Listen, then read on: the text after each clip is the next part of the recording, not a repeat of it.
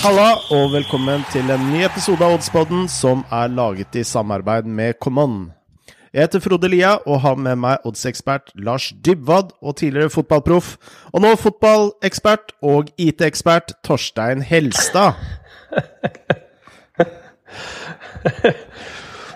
Ja, jeg, er jo, jeg, er jo kjempe, jeg er kjempefornøyd for alle de nye kallenavnene. Det er enormt bra at jeg har fått IT-eksperten. Jeg trodde jeg skulle snike meg inn eh, først på, på linken i dag, og så kom jeg sist igjen. Det er, eh, men eh, faktisk inne uten å stille noen spørsmål, da er jeg fornøyd. Det viktigste er at du er først foran mål, Torstein. Ja, det, det telte i mange år. Det telte i mange år, Frode. Ja. Og velkommen til vår oddsekspert Lars Dybwad. Tusen takk, eh, Frode. Og du er vel faktisk IT-ekspert, du? Eh, ja, på mange måter. Det, det merket vi vel her i opp, opptakten når jeg satt og fikla med tre forskjellige headset og sånn. Og, eh, ja, jeg har jobba i IT-bransjen i mange år, da. Det har jeg faktisk gjort. Men eh, jeg har tydeligvis ikke fått med meg noe særlig derfra. Nei, fordi du har jo jobba som oddsekspert eh, nesten hele ditt yrkesaktive liv. Eh, ja, det er kanskje å overdrive litt, da. Men eh, jeg har jobbet mye som det. Det har jeg gjort. Eh, og det Det må man jo være godt fornøyd med. At man klarer å få et levebrød ut av det å drive med odds og fotball. Mm. Jeg husker når du jobba i, i Dagbladet, så var det noe av det gøyeste jeg gjorde på lørdagsmorgen. Det var å lese oddstipsene dine i Dagbladet. Ja, fordi... så hyggelig. Så hyggelig. De var veldig godt uh, skrevet og begrunna og uh, var, var ikke alltid jeg var enig, men eh, Nei, det skulle, det skulle bare mangle. Og det, det er jo det som gjør det artig at man ikke alltid er enig. Bra. Skal vi gå til spillene sist helg? Fordi nå hadde vi for første gang på en stund overskudd. Og det må vi være fornøyd med. Eh, du eh, Du, Lars, du hadde Watford hjemme mot Preston, og det var jo et bunnsolid eh, spill. Ja, den ble, den ble fin, den, altså. Eh, Watford vant jo 4-1. Uh, Skåra tidlig der og hadde egentlig eh, full kontroll. Eh, som jeg var inne på, så var det, det var like mye et motspill mot Preston, som hadde veldig mye skadeproblemer og utfordringer med suspensjoner for eh, både det ene og andre. og ja, De stilte vel i en eh, slags uh, ny formasjon med noen nye bekker der, men var egentlig helt uh, Helt sjanseløse den kampen mot, uh, mot Watford. Og, men det er interessant med Preston. da, De, er jo, de har jo vært et veldig bra bortelag, og det viste jo igjen tirsdag, hvor de faktisk slo Bournemouth. da, altså Premier League-nedrykkede Bournemouth. 3-2 borte. Da med et par av disse spillerne som var borte lørdag, tilbake. Så så det er ikke noe dårlig lag, Preston, men akkurat den eh, lørdagen og i det tipset så var eh, laguttaket mot dem, og det fikk vi utnytta, heldigvis. Du sa jo i forrige, forrige episode at eh, du så mindre på stats nå, og så mer på lagoppstillinger. Og denne kampen her er, er vel et godt eksempel på at man kan tjene på en sånn type strategi i eh, covid-19-tider. Ja, den ble jo et godt eksempel på det. For uh, hvis man hadde vært veldig opptatt av stats der, så, så hadde man vært veldig bekymret for Prestons gode bortestatistikk. Og den, den tror jeg man skal ha i bakhodet hvis man har lyst til å spille på Preston, uh, eller på eller mot Preston igjen. Men uh, ja, her manglet de altså alt som var av kantspillere, særlig defensivt, og da ble det viktigere. Og det viste seg å være ja, en god strategi, da. Men, men jeg står for den. Jeg er mer opptatt av laguttak nå enn jeg har vært i sesonger uten Klart, Laguttak er alltid viktig, men, og team news, men eh, kanskje enda viktigere nå med covid og dette tighte kampprogrammet i mange ligaer som gjør at man kanskje roterer litt mer og Kanskje noen managere prioriterer noen kamper fremfor andre kamper. Riktig. Jeg Gå videre til deg, Torstein. Eh, Du hadde Bodø-Glimt eh, hjemme mot eh, Rosenborg, og den satt jo også som en kule. Men eh, jeg må jo innrømme at jeg var veldig skeptisk eh, til det spillet, spillet ditt, eh, Torstein. Eh, Men det var godt du ikke hørte på meg. Jeg så det rista på hodet når jeg, foreslo det forrige, forrige torsdag også. Men um, når vi la spillet, så var vel den nede i 1,90. Og rett før avspark så var den i 2,05 igjen. Så du, du, var vel ikke den eneste som var skeptisk, tror jeg. Uh, Ut ifra at både Berg og Lode um, ikke var tilbake. Mm. Og ikke så veldig mye å spille for. Men um, når Bodø-Glimt først fikk kull på bilen, så var jo ikke Rosenborg i nærheten i det hele tatt. Og det man har vel sett at både Helland og flere har vært ute og uttalt i etterkant at nå må man finne litt hvilken retning Rosenborg drar i. For uh, noen vil spille kort, noen vil slå langt. Og da mm. så de fryktelig dårlig ut etter hvert, altså. Uh, I tillegg uh, så eller ikke i tillegg, men jeg ser jo nå at Bodø-Glimt spilte 1-1 uh, borte mot Start, så det virker jo som om de er i ferd med å slippe litt opp på gassen. Ja, og i går så var Start var nærmest. ser mm. man på ja, antall prosent ballinnehav, så hadde vel Bodø-Glimt 78. var det vel oppe en stund der. Så det, de hadde jo ballen mest, men ut ifra hvordan Start lå, og hvordan Start kontra, kanskje litt mer sånn som kjennetegner Bodø-Glimt, så var eh, Start egentlig like farlig som det Bodø, var. Mm. Så litt sånn som du sier, at litt foten av gassen, det her har vi vunnet. Det er egentlig bare står om å ta noen rekorder med antall mål og poeng, det er vel det det står på. Så ja, de tapte ikke i hvert fall. og Det var kanskje det som var det viktigste, vil jeg tippe til slutt. Uh, og meg til slutt. Jeg hadde da begge lag skårer i kampen mellom Tottenham og eh, Chelsea, og den kampen endte 0-0 og var jo ikke i nærheten av et uh, spill som uh, som skulle gå inn. Det skal jo sies at Chelsea hadde vel et annullert mål der i første omgang. og hadde det målet blitt godkjent, så hadde vel kampen sett litt annerledes ut. Men mm. Nei, det var traurig affære. Men hvis vi ser på spillene som vi også foreslo, så hadde vi faktisk uh, full pott. Uh, jeg, for, jeg, for, min del uh, foreslo Atletico Madrid og Tottenham pluss 0,5. Begge de to spillene gikk inn, så denne runden valgte jeg feil, feil spill. Du, Torstein, du hadde Kristiansund som også, eh, også gikk inn. Ja, de, de, lå, de, lå, jo under og, og, ja, og snudde det, så det var jo um, gøy å se. Det var jo fint for mitt eget oddspill også, for den tok man jo med. Men um, nei, de sidespillene var Da var det tilbake til. Skal man følge magefølelsen eller hjernen, som vi har diskutert et par ganger før? Mm. Ja, Du hadde vel også eh, overspill i Union Berlin-Frankfurt, hadde du ikke det, Frode? Som vel også gikk inn? Mm. Jo, den gikk også inn. Så... Mens jeg for, jeg, jeg for, min del hadde underspill i, i Milan eh, Fiorentina, var det vel? Uten Zlatan, da. Den eh, gikk jo inn. Det ble 2-0 der. og... Og var også inne på at det kanskje til å bli lite mål i, i Crystal Palace-kampen. De spilte hjemme mot Newcastle vel, og tapte 0-2, så den gikk jo også under. Mm. Så det, det, der var vi sterke, altså. Det var mye snacks der for de som faktisk fulgte på alle de tingene vi nevnte sist.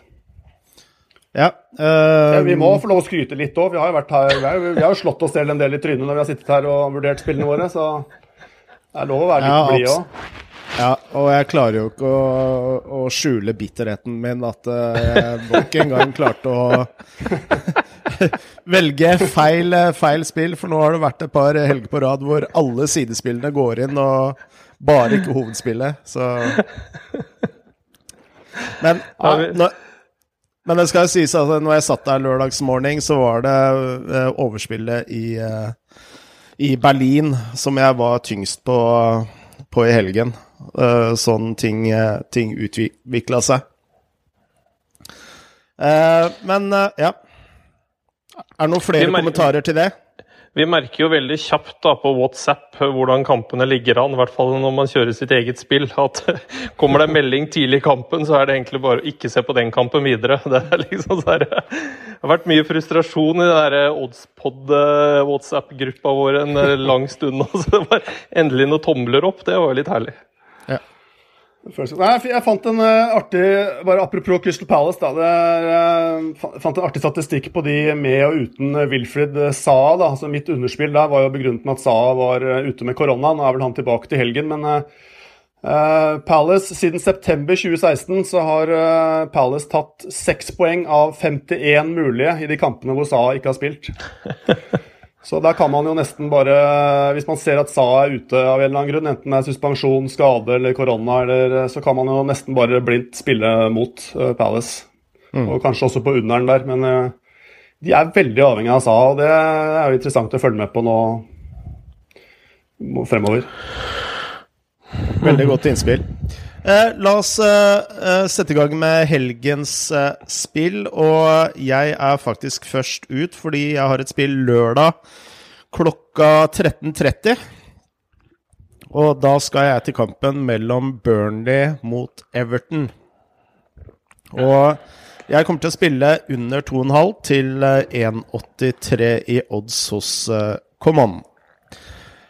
Altså Hvis du ser på tabellen, så ser det jo egentlig ikke ut som at Burnley er et uh, veldig godt uh, forsvarslag. Uh, men når du dykker litt mer ned i materien, så er det gjerne sånne enkeltkamper, sånn som mot Manchester City sist, hvor det har rakna, rakna veldig. Altså De to kampene før der igjen, så hadde, holdt Burnley nullen. Og Burnley er jo et sånn type lag som uh, er veldig gjerrig også mot de dårligste lagene. Og uh, mid-table-lag. Så det er jo et, i utgangspunktet et veldig godt forsvars, forsvarslag. ja, det er som du sier, Frode. De har jo altså, de har den dårligste målforskjellen i ligaen, men likevel så har de spilt flere kamper under enn en over. Mm. Og hvis du ser f.eks. kampen mot City, da, så mangla de jo førstekeeperen sin, Nick Pope, som er uhyre viktig for eh, Burnley, sånn jeg ser det. Og vi har jo snakka mye om keepernes uh, viktighet i denne podkasten tidligere, så vi skal ikke Men det er jo en sånn personlig preferanse jeg har. Uh, oppi alt dette. Uh, men nå er Nick Pope han er tilbake for Burnley. Uh, og det tror jeg har veldig, veldig mye å si for uh, forsvaret til, uh, til Burnley. mer enn det det blir, blir snakka om. I tillegg så er jo Burnley det man på godt norsk kan kalle 100% allergisk foran mål. Altså de har vel skåra fire mål gjennom hele sesongen. Så, så hvis det laget er gode til noe, så er det jo ikke å skåre mål, men å forsvare seg. Og inngangen eh, inn til denne kampen eh, mot Everton, det er jo, eh, det er jo forsvarsspill. Uh, altså, de kommer til å gå ut med så lav risiko som mulig. Uh, hvis jeg kjenner Sean Dice riktig. Eller det vil si, jeg kjenner han jo ikke, for jeg har aldri møtt han. Men, uh, men uh, sånn jeg ser han uh, gjerne vil sette opp laget sitt. Og han skal da møte Everton, som selv om de har scora mye, så er, er jo Uh, Angelotti i utgangspunktet det jeg vil kalle en balansert uh, trener. Altså en trener som er veldig opptatt av uh, balansen mellom angrep og forsvar. Og det vil si at når Everton spiller mot Burnley, så er det jo ikke sånn at når Everton stanger mot Burnley-forsvaret, at de kommer til å sende flere og flere spillere opp i angrep. Altså han kommer til å være holde balansen. Og da, i sånne type kamper, så så ender eh, naturlig nok eh, kamp, kampen ofte under 2,5 mål. Og det er et sånn type kampbilde jeg ser for meg her. Altså Hvis du ser på de to innbyrdes eh, kampene mm, sist sesong, altså i 2019, så endte begge kampene med kun ett mål. Og litt av det samme kampbildet tenker jeg vi kommer til å se her også. Uh, kan jo også legge til at uh, Lukas Digne for Everton, som er uh, den spilleren med flest assists på, på, uh, på, Everton, er også ute med skade til denne kampen. Jeg veit ikke hvor viktig akkurat det er, men For jeg Sånn jeg ser på Everton, så er vel assistene ganske relativt jevnt fordelt, men en liten kuriosa som er verdt å, å ta med. Et, et, eh, nå så jeg Everton mot Leeds forrige, forrige runde. Eh, et Everton med litt mindre sprut enn i starten av sesongen, kan man vel si. Uh, er ikke Leeds kjent for å være det laget som er best defensivt, de heller. Men de, de holdt nullen uh, på Goodison, og det er jo ganske sterkt. Og det sier vel kanskje mer om at Everton ikke er så sprudlende offensivt som de var i starten av sesongen. Som vi er vant til at de skårte masse mål og var underholdende. Uh, når, de, når, Leeds holder nullen, som uh, ja, kryss i boka ikke skjer så ofte, så, så sier kanskje litt mer om at Everton ikke er der vi så dem i starten av sesongen. Ja, sånn jeg vurderer det, er at uh, Everton er veldig avhengig av uh, særlig to spillere skal være i form for at angrepsspillet skal mm. uh, flyte i Ricardison og Hames Rodriguez. Mm. så Og det tette kampprogrammet begynner vel å, å kjennes på de to spillerne, vil jeg tro. Ja, de er jo i forferdelig dårlig form, Everton. Altså, de har jo fire tap og én seier på de fem siste. da. Har slått Fulheim bare i den perioden, så Vi satt jo hyllet eh, Everton litt her tidligere i høst, men uh, hverdagen har kommet litt tilbake i, i det laget. Ja. Mm.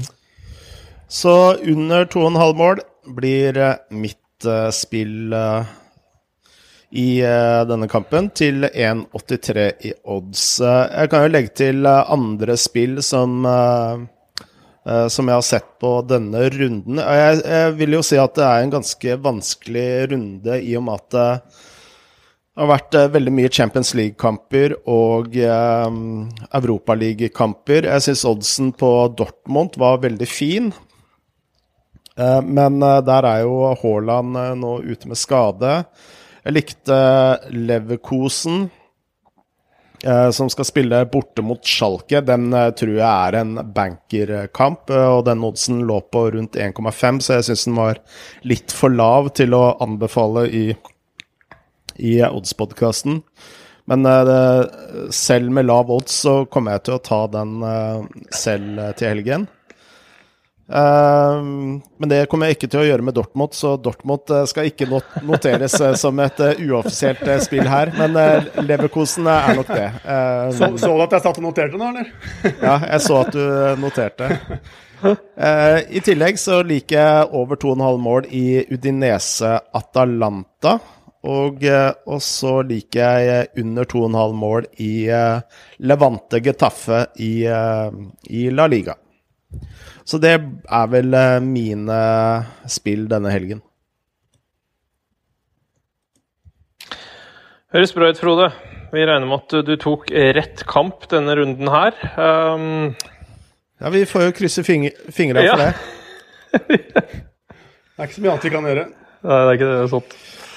Bra. La oss uh, gå videre til uh, søndagen, og da skal vi inn tilbake til uh, norsk fotball. Og Søndag klokka fem, faktisk, eh, så skal du i eh, en kamp eh, Altså, du skal i kampen mellom Sandefjord og Viking. Og før du starter med det, Torstein, så det har jo vært utrolig mye kokos i Stavanger og Viking de siste ukene med et uh, AS-styre som virker fullstendig inkompetent uh, med tanke på styre og stell uh, i idrettsklubber. hva tenker du om det? Ja, det er akkurat som du sa det. Det er vel, det er vel kompetansen det går på. og det, det ser man vel også hvilken støtte Bjarne Berntsen har fått i etterkant. fra by, spillere, ikke minst supporterne. Eh, mm. som ikke har skjønt så veldig mye av det. Nå har vel styreleder gått av også, eh, etter at han syns det ble litt for ubehagelig for egen del og for familien sin del. Jeg kan jo for så vidt skjønne det. Og så kan man vel stille spørsmål om dette var rett i det hele tatt.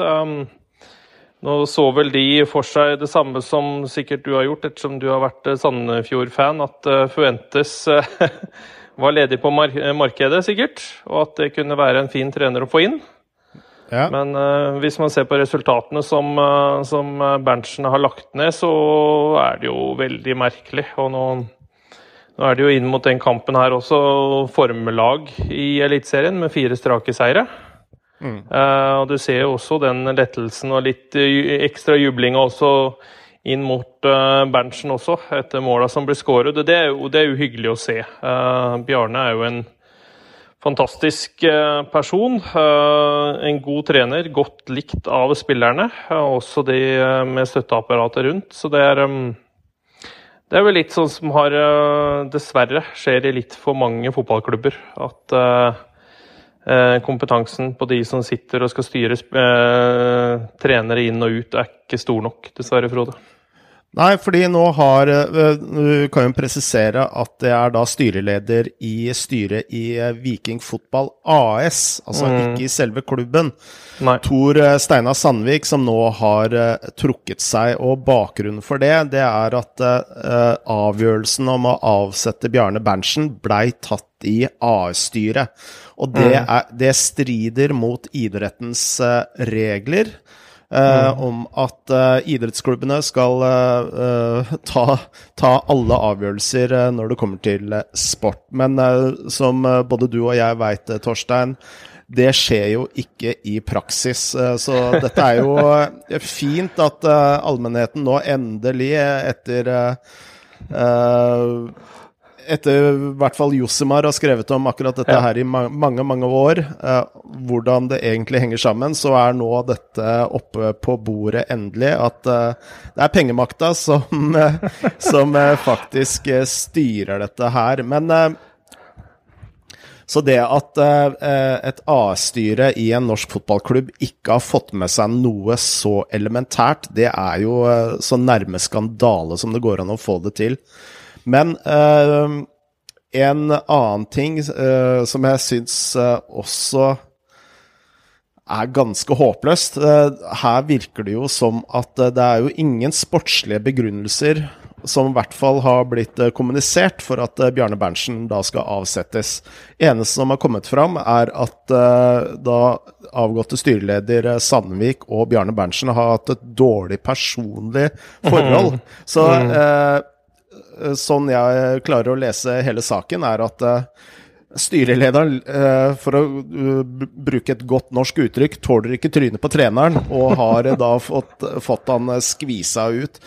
Og går det an å få det mer amatørmessig? Nei, ja, nei, de, nei, de gjør ikke det. det. det. er helt håpløst. Jeg så det, De prøvde vel å legge det over at de var uenige på lengde på ny kontrakt og sånne ting. Og det Nei, det, det henger jo ikke på greip. Hvis jeg skal gå på personlige problemer, at du ikke tåler trynet på treneren din da, og ikke vil ha han i klubb eh, lenger, så har du ikke noe som styreleder å gjøre heller, spør du meg. Da, da sitter du feil. Men um, der, um, du er inne på det vesentlige, at det er uh, fint å få opp det at uh, man ser hvordan uh, klubber blir drevet, og mm. hvem som sitter og styrer det, og pengene fortsatt har altfor stor makt. Og så går det utover det sportslige. For det, det sportslige kan man jo ikke ta Berntsen på. Nå er de jo inne og kan krige om en bronseplass. Mm. Hvem er det som har sett for seg det for en stund siden? Så han har jo snudd det til eh, en positiv, en positiv eh, ting, hvis man kan si det på sånn måte, ut ifra at mm. laget har prestert bra i det siste. Uh, og han har jo, Det viser vel litt at spillergruppa også står bak ham, med at de drar i samme retning som han vil. Uh, også at uh, styre og stell får lov til å holde på med sitt, men det går jo utover en gruppe når du tar vekk treneren. Mm. Etter, en, etter, en, positiv sesong etter hvert da, for Viking sin del. Bra. Eh, da har vi fått eh, lufta det. Eh, da kan ja. du egentlig begynne å argumentere for spillet ditt. Nei, derfor spiller jeg B på Viking. da har vi argumentert nok.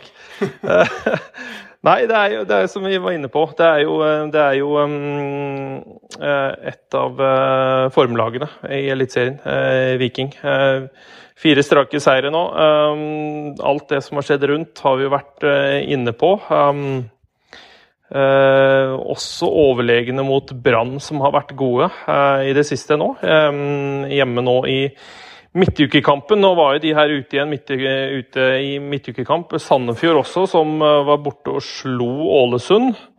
Um, en OK uh, seier, selv om de ikke Ja, de, de, kan vel si at de var heldige med at de ikke slapp inn mål mot uh, Ålesund. Um, og nå skal de inn, um, og mangler jo Kan kanskje si kanskje to av de viktigste. Mark Wallace og Paulson er ute nå til den, eh, til den kampen her. Og det har vært litt av både sentral midtbane og midtstopper. Så får vi se hvordan de rokerer der. Eh, står vel også med seks kamper nå eh, der de ikke har vunnet på hjemmebane. Man hadde liksom sett for seg at Sandefjord hadde vært bedre, og det er liksom det man tror også, men Seks kamper på hjemmebane uten seier. Og en heldig en i Ålesund. Og så har du et vikinglag som jakter medalje. Har litt tenkt på et Rosenborg som er i fritt fall. Mm. Vålerenga uavgjort igjen. Vålerenga er vel sånn som de pleier å være på slutten av sesongen. Sliter med å vinne, de også. Uh, Butichi gikk ut i går, Østensen inn etter 32 minutter. Uh, litt sånn usikker, uh, men uh, vet om Berisha um, leverer mål igjen. Har vært veldig god etter, etter landslagsoppholdet. Og så mm, også Delan Lay også har jo kommet inn som et litt sånn som vi kjenner han fra sine gamle, gode dager. Og Ibrahimay har jo begynt å skåre masse mål. En litt sånn uh, midtbanespiller som kommer inn i boksen og har vært avgjørende de siste kampene. Så um, selv om Butichi er ute, så kan Østensen kanskje inn som spiss og Berisha ut på en kant, så ser de fortsatt offensivt veldig slagkraftig ut. Og Viking også har vært bra defensivt i det siste. Så nå nå, vel, nå fikk vi vel oddsene rett før vi gikk på her at eh, Viking står i 2,50, kan det stemme, Lars? På en eh, borteseier? Var ikke ja, det vi kunne? Var det ikke det vi fikk servert, da? Ja, jeg tror det. Det høres jo veldig bra ut. Uh, på et uh, fremadstorm og en uh, vikinglag som er i en veldig positiv stime om dagen. Mm. Og her er vel Common også markedsledende, så langt jeg kan se. Så her uh, gjelder det å være tidlig ute. Ja, for det her også er vel kanskje en odds som kan falle inn mot uh, kamp, når du ser at Sandefjord har tung, to tunge forfall til den kampen her. Så kan det hende at den faller inn mot, inn mot um, start. Og så kan man se an om Butichi er inne eller ut, men jeg får håpe ikke at det er altfor alvorlig, for han også har vært god for å og har jo hatt noe vanvittig kremmerus i årets sesong. Så også en viktig spiller for Viking. Nå er vi jo så tidlig ute holdt jeg på å si, at det ikke har kommet noe asiatisk handikapspill i den kampen enda, Torstein. Men mm. tenker du å ta 2,50 ren B, eller vi kan Altså Vi kan vel forvente at drawn og betten der vil jo ligge på sånn 1,85 kanskje, da? Ja, den også er jo interessant. Du ser, du ser jo litt nå, uh, i hvert fall på den midtukekampen, at det blir, um, det blir tightere. De lagene som ligger der nede, klarer å karre til seg noe uavgjorte resultater. I hvert fall ut ifra det vi så nå uh, onsdag. Um, så den kan jo også være interessant når vi ser den oddsen kommer opp. Den har vi jo ikke ennå, Lars, men det kan også være noe å titte på. Kanskje mer hvis Butichi ikke er med i startoppstillingen inn mot kamp. Ja, som sagt regner med at den vil ligge rundt 1,85-1,90, i hvert fall basert på, på 2,50 på B der, da. Ja, men det høres bra ut, klart. Det gjør det. Bra. Eh, nå så jeg at jeg hoppa litt eh, over i rekkefølgen her, fordi eh, du, Lars, du har et spill på lørdag, du. Kvart over fire i Spania. Ja, jeg tenkte, at, jeg tenkte, at, du hadde et eller annet snedig system bak dette, så jeg satt høflig og ventet på tur. Men det er riktig, det. Jeg har Jeg har et spill på det interessante tidspunktet 16.15 på lørdag. Det er storkamp i La Liga mellom Sevilla og Real Madrid. Der er hjemmeoddsen på 2,50, som jeg egentlig la godt merke til med en gang, for Sevilla, Sevilla er jo et uh, godt hjemmelag, og Real Madrid er et lag som er i litt uh, problemer i øyeblikket. Uh, og Hvis vi skal begynne med liksom factsen her, da, så altså Sevilla har jo da tatt 16 poeng fra de ni kampene de har spilt. 5-1-3 der, da. og har, eh, som er faktisk et bedre poengsnitt enn det Real Madrid har så langt. Hvis man skal ta litt stats til å begynne på. Real Madrid har ett poeng mer, men spilt en kamp mer. Eh, Sevilla 3-0-1 hjemme. Eh, de er jo tradisjonelt hvis man skal, altså Tradisjonell statistikk er kanskje ikke så veldig sexy alltid og kan være villedende, men de er jo, Sevilla er et klassisk hjemmelag. De har jo hatt sesonger hvor de har vunnet omtrent alt av hjemmekamper. og tapt eller spilt uavgjort. Alt er bortekamper. Så eh, det, jeg synes det må være lov å kalle Sevilla et, et klassisk eh, hjemmelag. De trives godt hjemme. Klart nå er det litt annerledes med det komplette fraværet av publikum, men uh, de trives godt på sin egen stadion. Det må, vi, må det være lov å si. 3-0-1 hjemme. De, de tapte for Eibar. Det var en litt sånn klassisk holdt på å si oddsbånd-kamp, hvor de hadde 21-3 i avslutninger og over 70% ballbesittelse, men det var bare ikke dagen, så da tapte de 0-1. Men uh, har et godt lag på gang. De, de, har fem strake seire De hadde fem strake seire i Champions League og La Liga frem til de spilte mot uh, Chelsea i går. Uh, der kom det jo en liten karamell med 0-4 og Giroud-show. men det er klart at Sevilla var jo allerede videre i gruppa si. Jeg må jo si at jeg så for meg en litt sånn tam tam kamp der mellom Sevilla og Chelsea. Begge lag videre osv. Men eh, det ble det jo ikke. Det ble altså 4-0 til Chelsea. Men kampen var litt jevnere enn det så ut, og begge lag roterte nesten hele laget. Mm. Det var mye akademispillere i Sevilla-troppen. og det var vel bare tre spillere tror jeg, som starta, startet onsdag, som også startet eh, i siste ligakamp. Eh, så tar vi Real Madrid. da. 0-2 eh, borte mot Sjaktar Donetsk tirsdag er jo i kjempe, ikke, ikke kjempetrøbbel i Champions League. De har, det, de har, kontroll hvis de leverer selv, men det er klart at den kampen som kommer nå til uka, den er utrolig viktig. Og ikke minst for Zidane, som antagelig ryker hvis han ikke klarer å ta dette laget videre i Champions League. Så den spøker nok eh, ganske greit i bakhodet. og de er jo ikke i form, Real Madrid. De har tapt tre på rad i ligaen. Og ja, og Mye tilskrives jo rett og slett det at uh, Ramos er ute. Altså Real Madrid har tapt åtte av de siste ti kampene uten Sergio Ramos, som jo er helt uh, sinnssykt, egentlig. Men uh, også 1-4-tapet bort mot Valencia, da, da, spilte faktisk Ramos. Så det, er, det henger ikke helt sammen, Real Madrid-laget. Eh, så jo eh, La Liga-eksperten Petter Wæland var ute her og mente laget så mentalt sliten ut og litt sånn kjørt ut. og uh, Særlig defensivt så henger det ikke sammen. Offensivt så også, går det litt for sakte, rett og slett. Så Ramos er Real Madrids uh, Saha-kompleks? Det kan nesten virke sånn. Altså, det er, uh, altså, sånn statistikk kan man jo bruke og misbruke, men det er ikke noe tvil om at Ramos eh, er en hærfører for Real Madrid, og at fraværet av han er veldig tydelig. Og Det er også litt fordi, eh, tror jeg, fordi Varan i midtforsvaret han er veldig avhengig av å ha en makker han mm. lener seg godt på. Han gjør mye rare feil, når, eh, særlig når Ramos ikke spiller.